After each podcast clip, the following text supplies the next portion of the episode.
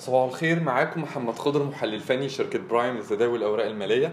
هنبدأ الملخص الفني الصباحي اليوم الثلاثاء الموافق 13 سبتمبر 2022 بالنسبة لمؤشر EGX 30 مؤشر EGX 30 شفناه امبارح كان اتحرك أعلى مستوى المقاومة عند ال 10430 واللي بكسرها أو بتأكيد كسرها آه، المؤشر ممكن يستهدف منطقة المقاومة بين ال 10700 لل 10800 كده المؤشر بيأكد على استمرارية اتجاهه الصاعد على المدى القصير.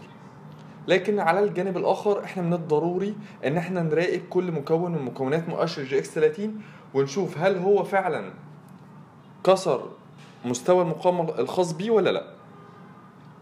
والحاجة التانية إن إحنا لازم نراقب كويس أو نحدد العائد نسبة العائد للمخاطرة. يعني لو آه، آه، كان كسرة المقاومة دي مستوى الدعم بالنسبة لنا هيكون مستوى دعم بعيد فده بالنسبة لنا هتكون مخاطر الشراء فيه مخاطر شراء مرتفعة. يبقى من الضروري إن أنا أركز على نسبة العائد إلى المخاطرة خلال الفترة اللي جاية.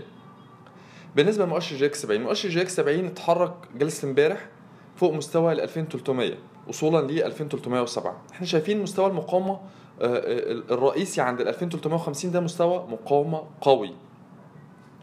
وممكن يعيق ارتفاع المؤشر آه، على المدى القريب. يعني على المدى القريب ممكن آه، أربع خمس جلسات ده المدى القريب بالنسبة لنا. شفنا بعض الأسهم قدرت إزاي زي المصريين اسكان آه، تكسر مستوى المقاومة الخاص بيها عند ال 55 قرش. وإحنا كنا آه، طلعنا تقرير كان من ضمن فيها في التقرير فيها 10 أسهم كان من ضمنها المصريين للإسكان. كنا متوقعين إن هي تتماسك عند منطقة الدعم بين ال 44 وال 45 وتستهدف 60 قرش.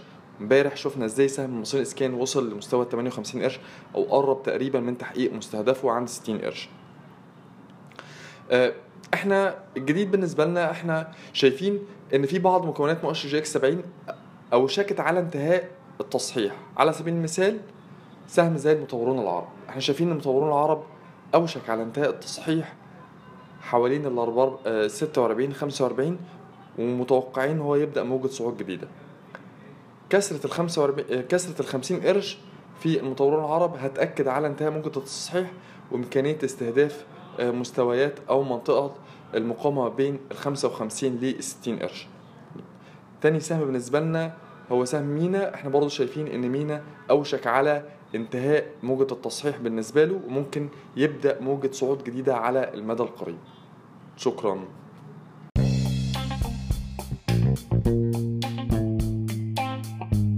يرجى العلم أن هذا العرض هو لأغراض معرفية فقط ولا يمكن اعتباره عرض أو توصية شراء أو بيع أو إدارة استثمارات أو خدمات استشارية ينصح باستشارة مستشارك المالي قبل اتخاذ أي قرار استثماري الأداء التاريخي ليس مؤشرا يعتمد عليه لتحديد الأداء في المستقبل.